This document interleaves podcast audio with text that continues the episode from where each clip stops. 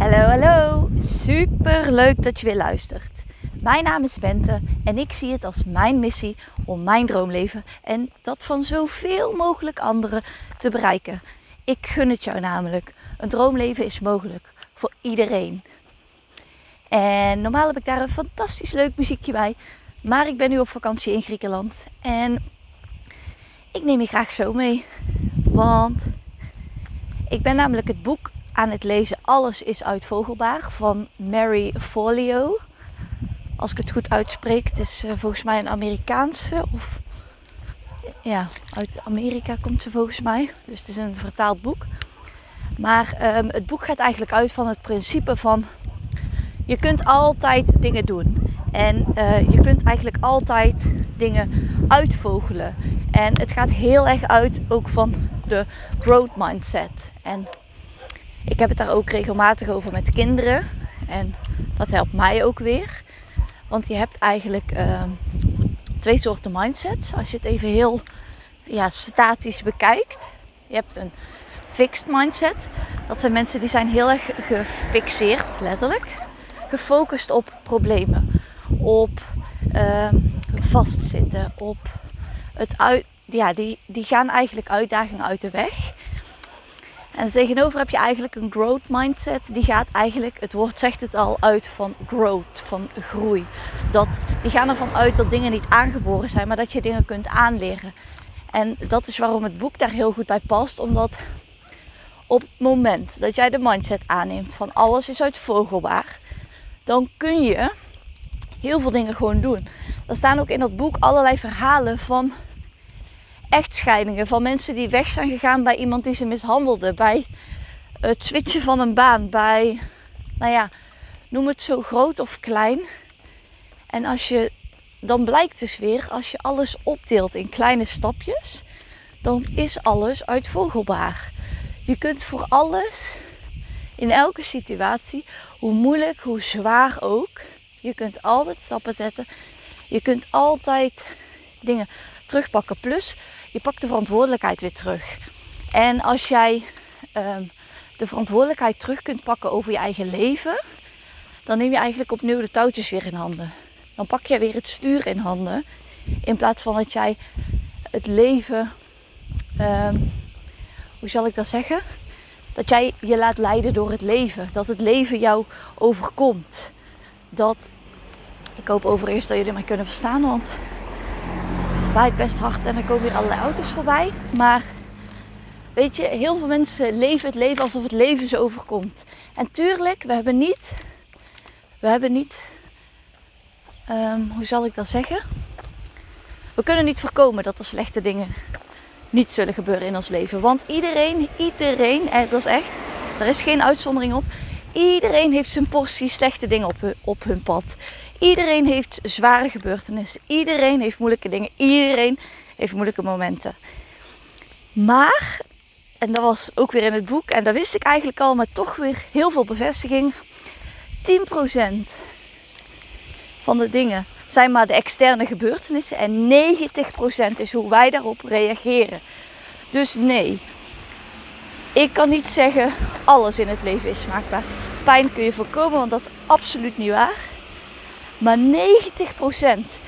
zit erin hoe wij naar dingen aankijken en hoe wij met dingen omgaan. Dat is zo bizar veel. En toch leggen we nog maar al te graag alles bij die 10%. Om maar niet de verantwoordelijkheid te vertragen voor ons eigen leven. Dus, als jij nu in de klaagrol zit, of jij bent ontevreden over dingen, of jij wil dat dingen anders zijn, of jij snapt niet waarom, stap dan even uit die slachtofferrol. Want dat is wat je aan het doen bent. Want bij een slachtoffer overkomt het. En volgens mij wil uiteindelijk bijna niemand in de rol van de slachtoffer zitten. Alleen je hebt het gevoel dat het niet anders kan. En ik ben hier om jou te vertellen dat dat dus wel kan. Om vandaag nog uit die slachtofferrol te stappen.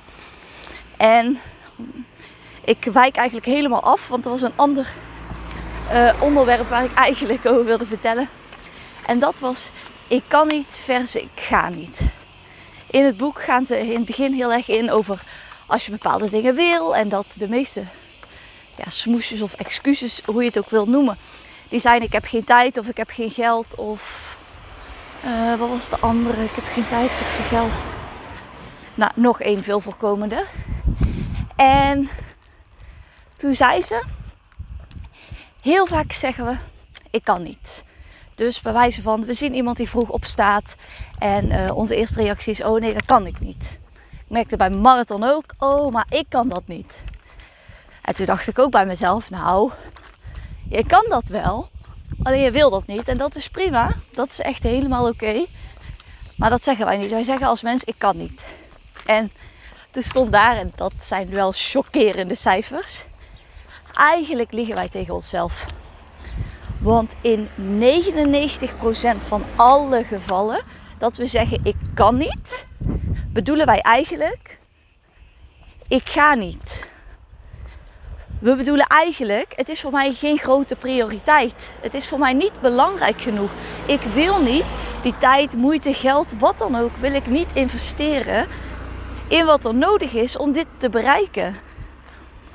Dus laat dat even binnenkomen. Ik kan niet is 99% van de tijd ik wil niet.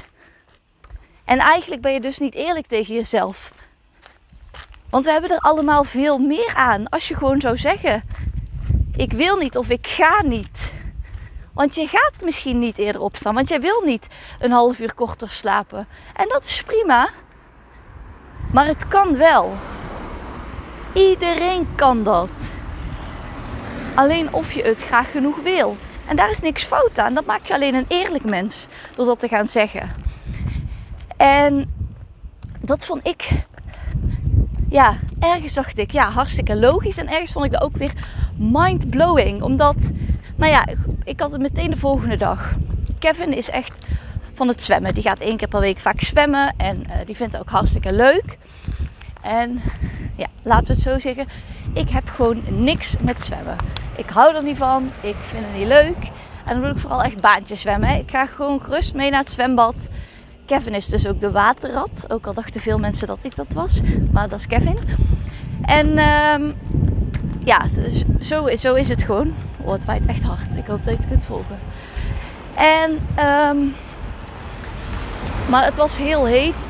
Eh, zeg maar plus 40 graden afgelopen week. En ja, dan zoek ik het ook echt niet om te sporten. Wij zitten boven op een berg, dus dan is soms naar beneden lopen van de berg al de workout of the day. In ieder geval voor mij. Dus ik had bedacht, weet je wat ik ga doen? Ik ga vandaag een paar keer, of in ieder geval één keer, ga ik uh, tien rondjes zwemmen. Nou, ons zwembad is echt niet groot, dus een rondje in ons zwembad is niet vergelijkbaar met een baantje, absoluut niet. Maar goed, ik begon. Ik zei tegen Kevin, ik zei, oh ga je ook mee? Nou, na één rondje ik was buiten adem. Ik zeg tegen Kevin, oh, ik kan dit niet. Nou, Kevin zei, tuurlijk kun je dat wel, kom op. Dus, uh, nou goed, ik heb het uiteindelijk gedaan. Maar ik denk tot ongeveer het zesde rondje zat er in mijn hoofd. Oh, ik kan dit niet en ik kan dit niet en ik kan dit niet. Wat natuurlijk totaal ook niet helpend is, hè? laten we dat voorop stellen. En uh, in één keer dacht ik aan het boek. Ik denk, fuck, ja, dit heeft helemaal niks te maken met kunnen bent. What the fuck. Je hebt een marathon gelopen. Tuurlijk kan jij hier 10 rondjes zwemmen. Je kan ook 20 zwemmen of 50 zwemmen. Het is maar net één waar je je op instelt. En het heeft niks met kunnen te maken. Het heeft met, nou bedankt, chance met de auto.